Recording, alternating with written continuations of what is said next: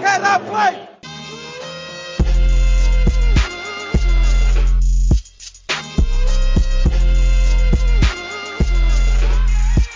Jojo, Marko, lep pozdrav, celje, dobro jutro, kako si, kako gre?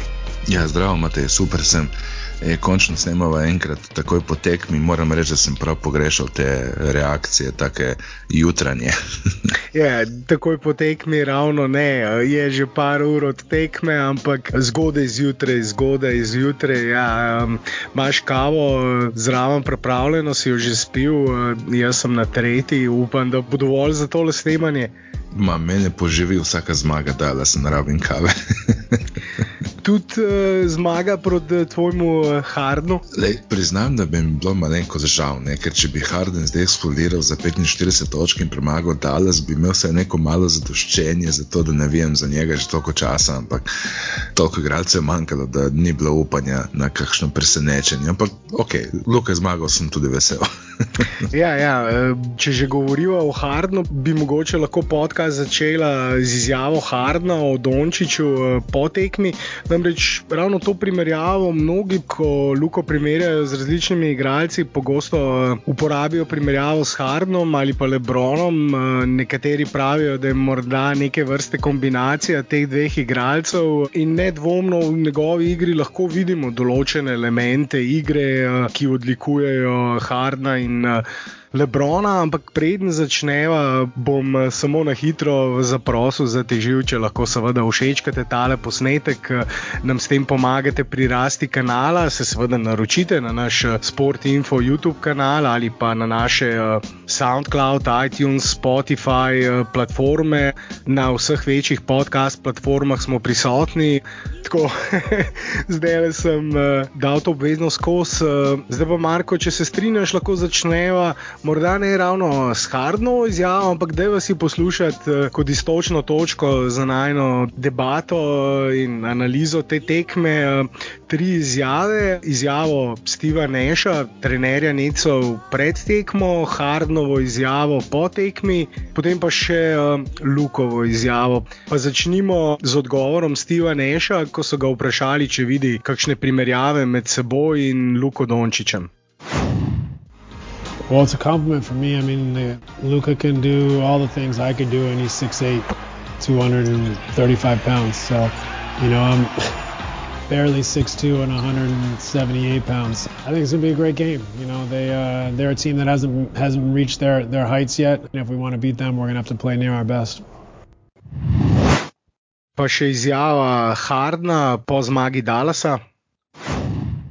Luca is Luka Doncic. He's he plays at his own pace, and um, I mean there are some similarities. You know, he just he never he never lets anyone speeds him up, and he gets what he wants.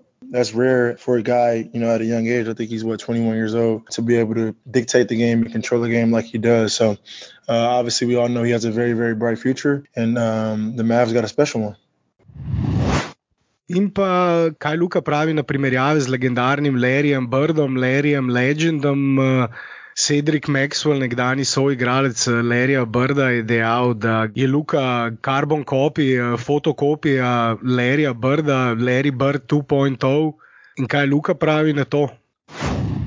I saw a lot of films how he how he played, but you know you can't compare me to Larry Bird. You know the thing he's done is just way way. Uh, I mean more and more games to go, a long time, so you can't compare me to Larry Bird. And you know, you, I just want to keep hooping, uh, having fun out there playing basketball. Marko, evo, nekaj istočnih točk mava, kjer boš najprej pograbil, kaj praviš eh, na te izjave Neša, Hardna in Lukovo skromnost po tekmi, ko je seveda upravičeno dejal, da te primerjave eh, še niso na mestu in eh, da ga čaka še dolgo, dolgo let igre v NBA ligi, preden se bo lahko vleklo take primerjave s takimi legendami kot je Larry Bird. Te tašnih izjav, kot sta imela zdaj naš, pa Harden v Loki, smo slišali nebroj, tako lani kot njegovo prvo sezono. Za me ta od Hardna še posebej mi pri srcu, seveda zato, ker sem njegov navijač in tudi sam vidim precej podobnosti med njegovo in eh, Lukatovo igro. Luka pa kot ponovadi skromen in verjetno si noben od nas eh, ne želi, da se spremeni ta njegova skromnost. Res, da ni še dosegel mogoče niti 20% tega, kar je Larry Bird dosegel, ali pa še manj, ampak konec koncev se gre tukaj za stil igre, ne za to, kdo je koliko dosegel. Ne? In mislim, da ima Cedric Mekusol tle kar prav. Odkar je Luka prišel v NBA ligo, slišimo take visoko leteče primerjave z najboljšimi igralci sedaj, zadnjih 10-15 let ali pa najboljšimi igralci vseh časov, kot je recimo Larry Bird, ki ga na vseh lestvicah največjih vseh časov najdemo med najboljšimi petimi. Tudi te primerjave s Hardom so zanimive. Mnogi namreč ne vedo, kako dober podajalec je Harden, če so Hardna spremljali samo zadnje 3-4 leta v Houstonu, kjer so res potencirali njegovo igro v izolaciji do samega maksimuma, ker je bil pri tem tako uspešen. Namreč. Ampak Harden je tudi uh, izjemen podajalec in zdaj v Necih, ko igra s Kyriem in uh, Kadiem, oba sta tudi manjkala na tej tekmi in to je seveda potem uh, precej spremenilo pričakovanja in napovedi pred to tekmo. Dallas je zmagal, ampak tako tekmo tudi mora zmagati. V polni postavi, eh, Neci pa letos igrajo odlično in eh, Dallas je na tej tekmi tudi prelomil njihov niz osmih zaporednih zmag in veliko teh zmag eh, je šlo na račun odlične igre Hardna, predvsem odličnega playmakinga, organizacije igre Hardna, ki se je v Necih res prelevil v enega pass first organizatorja, ki najprej išče podajo in šele potem priložnost priložnost za svoj met in tudi odlično povezal igro kot organizator. In tisto glavno vprašanje je bilo, seveda, ali bo Kajri sprejel vlogo drugega branilca, shooting guarda, dvojke eh, ob Hardnu in ker jo je, je to tudi eh, eden od receptov za uspeh necov v tej sezoni. Matej strinja se, mislim, da je poteza Irvinga bila ključna za to, da lahko neci uspešno igrajo skupaj. Moram reči, da sem na začetku bil kar presenečen na to njegovo potezo, no, sicer potem sem videl, da čisto na vsaki tekmi ima Irving vsaj toliko metov kot Harden, če ne celo več. Po drugi strani pa sem se spomnil, da je bil Irving v zelo podobni situaciji v Clevelandu in kolikor je Irving včasih pač malo čuden in pričakujemo od njega mogoče ne najbolj pametne poteze, se je tukaj res izkazal in izgleda, da ravno ta izkušnja z Lebronom mu je dala res največ misliti. Vemo, da je Kajri zelo muhasta osebnost, blago rečeno, um, in uh, ne vem, kaj njega motivira, kaj njemu predstavlja tisto glavno motivacijo. Je izjemno nadarjen uh, ofenzivni igralec, to je tisto, kar vemo. In uh, če ko sprejme svojo vlogo v ekipi, tako kot jo je recimo um, nekaj časa sprejemal v Clevelandu z Lebronom, potem je lahko ekipa z njim seveda boljša nevarna, konkurira tudi za najvišja mesta v ligi, ampak to do sedaj v karieri ni uh, pogosto bil pripravljen narediti, zdaj je in uh, Neci eh, so zelo uspešni, njihovi problemi v obrambi eh, so znani, ampak tudi tukaj so eh, popravili stvari in tudi v obrambi jim je v zadnjem času kazalo bolje. Ampak zdaj, če se posvetiva konkretno tej tekmi, kot sem dejal, Dallas je to tekmo moral zmagati in so jo zmagali. V tej sezoni so preprosto izgubili že preveč takih tekem, kjer je nasprotnik pogrešal enega, dva najbolj boljša igralca ali pa tekem proti lažjim, objektivno slabšim nasprotnikom, ki bi jih morali dobiti. Eh, takih tekem so leto zapravili že preveč in če se želijo izogniti temu play-in eh, turnirju za playoff, torej eh, mestom od 7 do 10 če želijo priti na tisto šesto, peto mesto, morda potencialno, ki bi eh, jim moralo biti še dosegljivo, potem morajo take tekme zmagati in eh, ja, so jo, Anada.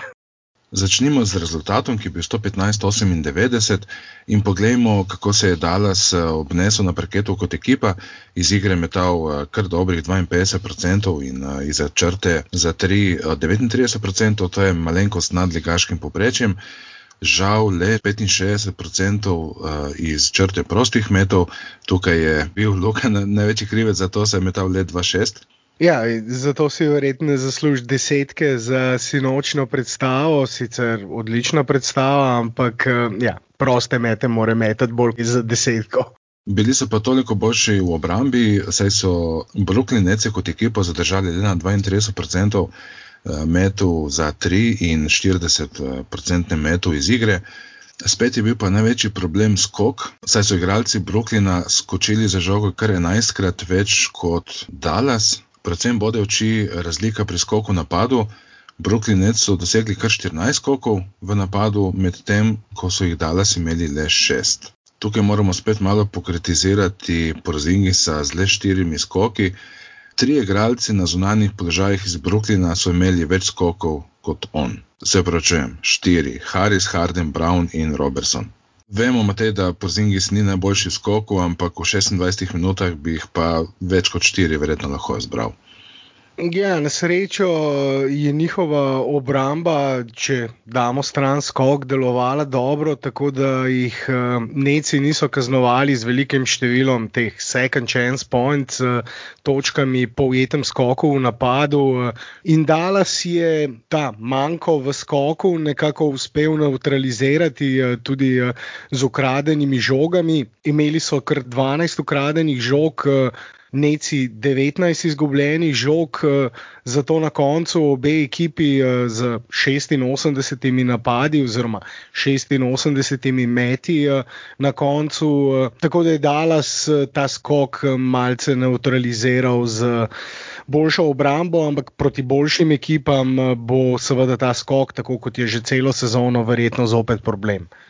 No, gremo še na individualno statistiko. Uh, Luka, kot večino tekem to sezono, prvi strelec s 27 točkami, imel je še 6 skokov, 7 podaj, 2 eh, ukradeni žogi in le eno zgubljeno, kar najbolj veseli.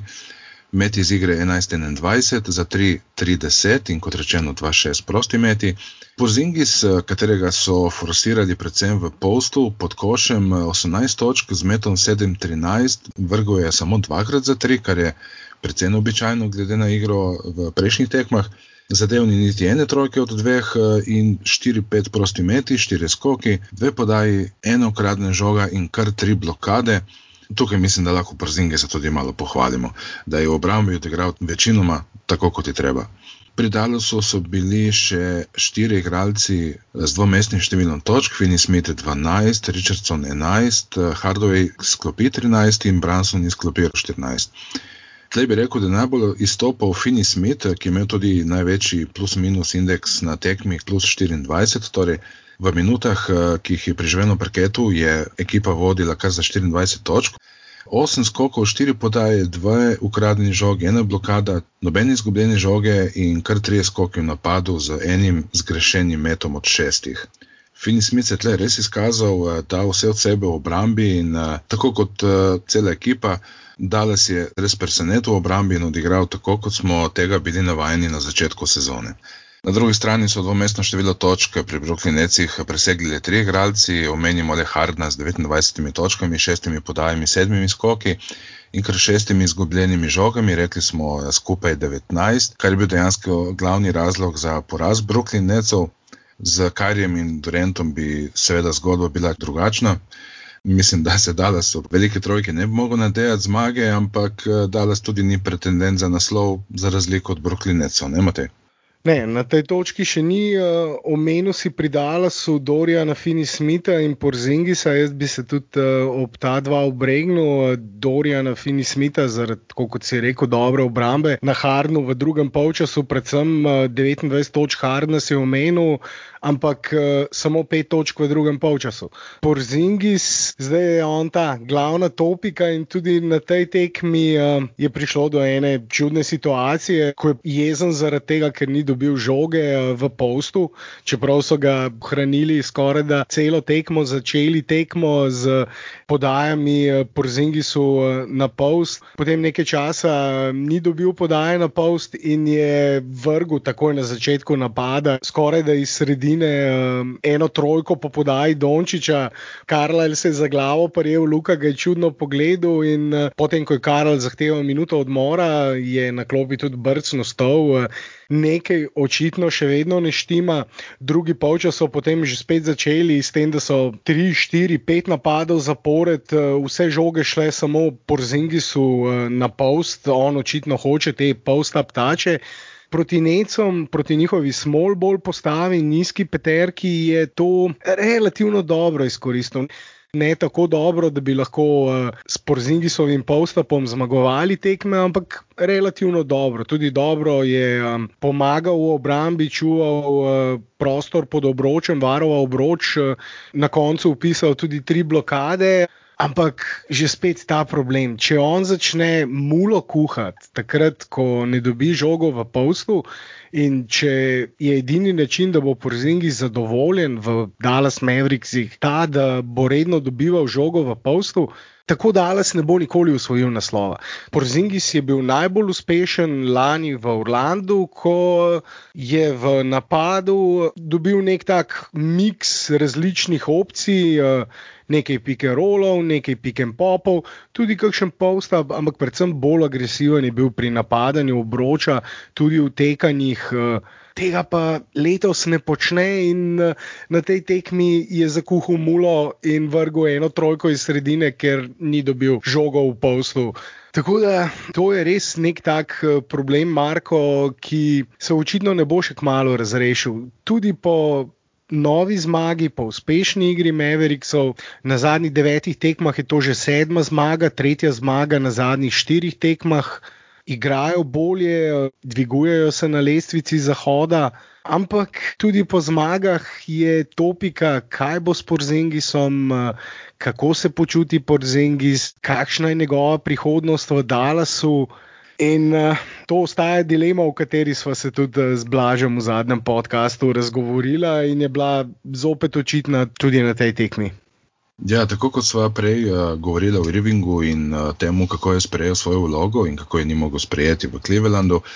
Zelo podobne situacije imamo zdaj s Porzingisom, uh, ki rabi zelo dosti žog, da ostane motiviran, predvsem za igro brez žoge vidimo, da mu pade motivacija, če žoge ne dobi toliko krat, kot si on želi.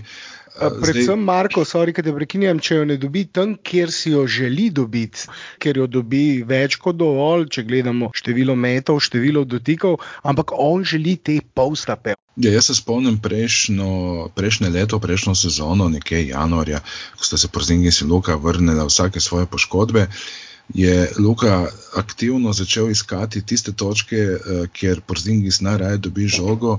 In ko so se uigrali, mislim, da smo takrat vedeli najboljšo igro Dalesa, mislim, da je bil to februar lani.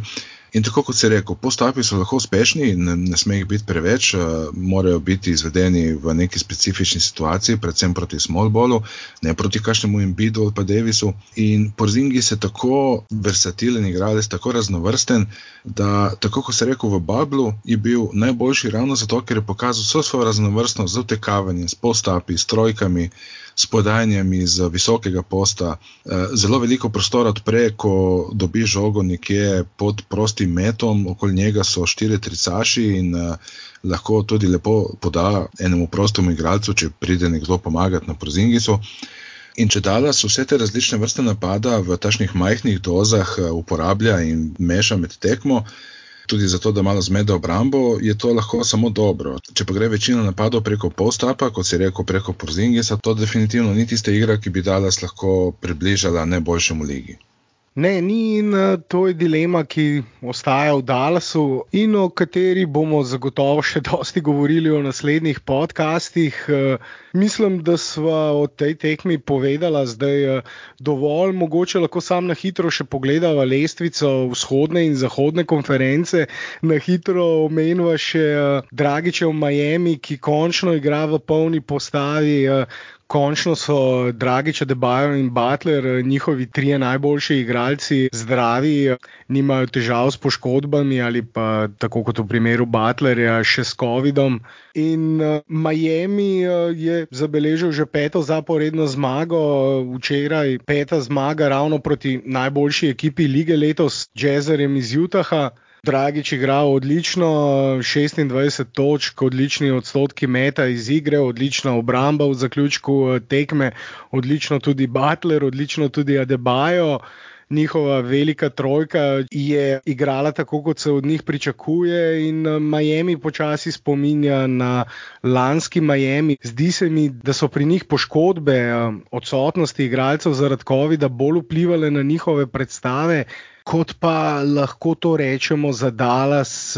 Obe ekipi sta imeli do sedaj eh, verjetno največ težav eh, z odsotnostjo igralcev, pogrešali so največ ključnih igralcev, ampak Miami še več kot Dallas, zaradi tega, ker eh, so pogrešali na skoraj da vseh tekmah enega, dva ali pa kar tri eh, svoje najboljše igralce, in uh, sedaj, ko so kompletni, uh, zopet igrajo tako kot lani. In mislim, da lahko, če bodo ostali zdravi, tudi letos ciljajo na vsaj finale vzhoda, sicer do tam je še daleč, ampak če so te težave z zdravjem preteklost, potem se ni treba bati za Miami.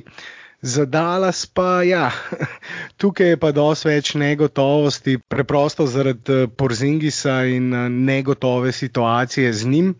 Pa sem rekel, eh, da zaključiva z lestvico, da se ne bom preveč razgovoril. Zopet na vzhodu in zahodu, Marko, zelo, zelo zgoščena lestvica in situacija, kjer se v drugem delu sezone lahko še precej spremeni. Ja, res je, še posebej, ko gledam vzhodno konferenco so razlike zelo, zelo majhne od četrtega mesta na vzdolj, torej velika trojka Filadelfija, Brooklyn, Neci, Milwaukee, Bucks so razred zase. Potem pa Toronto 17-17 na četrtem mestu in Charlotte Hornets 15-17, torej 15 zmag, 17 porazov na desetem mestu. Šest ekip torej loči samo ena zmaga in tudi zato, ker bo sezona krajša, bojo tu razlike vedno manjše. Tako kot pa si rekel za Miami, ni se bati za njega, ko so vsi zdravi in mislim, da se bodo Miami bali mogoče poleg Filadelfije in Brooklyneca, vsi v playoffih. Ne bo jih hoteli srečati, predvsem zaradi njihove uh, odlične obrambe. V zahodni konferenci pa imamo podobno sliko, ni sicer uh, tako majhnih razlik uh, od četrtega moštva na zdol, recimo od petega, San Antonijo Spurs uh, ima 17 uh, zmag in 12 porazov, na devetem mestu Dallas Mavericks z 16 zmagami in 16 porazi, spet samo uh, dve zmagi in pol razlike, kar se da zelo hitro nadoknaditi, še posebej s toliko odsotnosti zaradi karantene, zaradi COVID-a, ki lahko doleti katerokoli ekipo. Tukaj bomo lahko videli še posebej na 9. in 10. mestu veliko borbo za končnico, kajti kot vemo, tudi 9. in 10. mesto zdaj lahko vodi končnico in se bodo ekipe dosti bolj potrudile, tudi če bojo zunaj playoffov, torej ne na 8. mestu kot v preteklih letih. Ja, in zato, eh, kot eh, sem rekel že v vodu, je tisto šesto mesto letos eh, zelo pomembno. Šesto mesto namreč garantira playoff in Dallas trenutno za šestim mestom zaostaja za dve zmagi. Portland Trail Blazers imajo 18 zmag, 14 porazov, Dallas 16 zmag, 16 porazov. Torej, eh, dva poraza Blazersov, eh, dve zmagi Dallas Mavericksov, ampak tako kot si ti povedal, situacija je zelo zgoščena. Dosti ekip ima zelo podobno razmerje zmag in porazov. Razpored v drugem delu sezone pa tudi ne bo lahek, zaradi eh, tega, ker bodo ekipe morale nadoknaditi te tekme, ki jih v prvem delu niso odigrale, zaradi COVID-a je bilo preloženih že kar nekaj tekem in te bodo seveda v drugem delu sezone morali nadoknaditi. Dosti ekip bo igralo štiri tekme v petih dneh, štiri tekme v šestih dneh, razpored bo torej eh, brutalen in eh, dosti negotovosti, seveda. Na koncu bo zdravje eh, ključnih igralcev zopet pomemben faktor in ja, to, kar sem dejal za Miami, seveda velja tudi za Dallas. In že spet lahko pridemo do Porzingisa in vprašanja, če bo ostal zdrav in koliko bo igral. In, uh, Seveda tukaj pol tudi pridemo do teh negotovosti, o katerih sem govoril, pa da se ne bo vrtela v krogu. Bi še kaj dodal, Marko? Edino, kar bi dodal, je to, da če že mislijo, da tredijo po zingi, se upam, da ga tredijo čim prej, recimo med eh, tednom, ko se igra All-Star tekma. Ker če se tašna slaba volja po zingisa in uh, slaba kemija v ekipi vleče do končnice, to za Dales ne pomeni čisto nič dobrega. Tako da ali naj se prilagodi, ali pa naj, naj ga tredejo, samo da se ta situacija razreši, to bi narad najrajši videl, drugače pa upam, seveda, na čim več zmag in na čim več tašnih uh, zadovoljnih podkastov, kot ga imamo danes. Trade čez dan lahko dobijo kaj dobrega, kar pa seveda v tej situaciji trenutno ni realno. Zato pridemo že spet do teh dilem, o katerih smo pa že dosti govorili in bomo seveda tudi govorili v naslednjih podcastih. Zato ne pozabite se naročiti na naš YouTube Sport Infosi kanal ali pa platformo, na kateri nas pravkar poslušate všečki, ocene, komentarji eh, so dobrodošli, z veseljem se z vami eh, pogovarjamo.